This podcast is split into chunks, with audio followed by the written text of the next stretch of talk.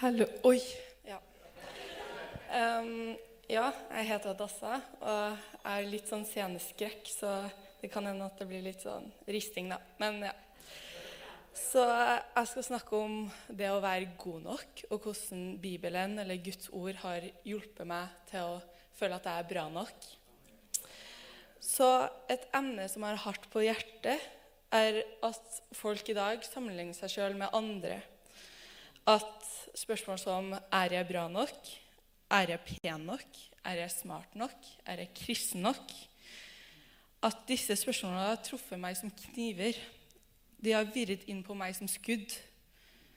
Og da kommer det også spørsmål som hvorfor har Gud skapt meg som meg selv? Hvorfor har han ikke skapt meg for eksempel et kjendis eller noen verdifull? da?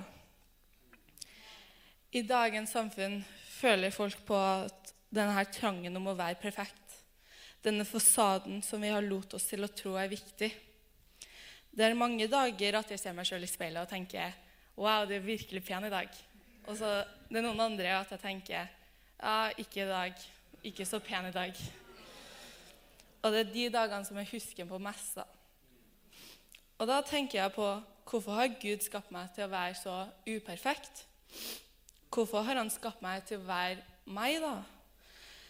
Og så er jeg jo kristen.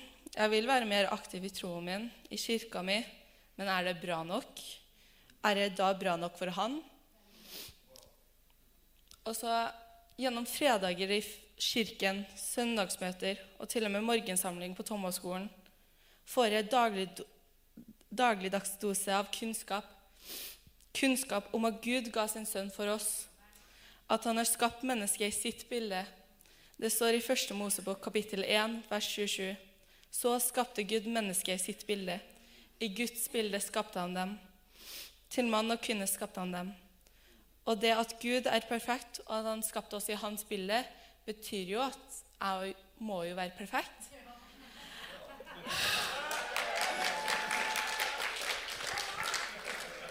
Og så tenker jeg ja, det er jo han som har skapt hele universet.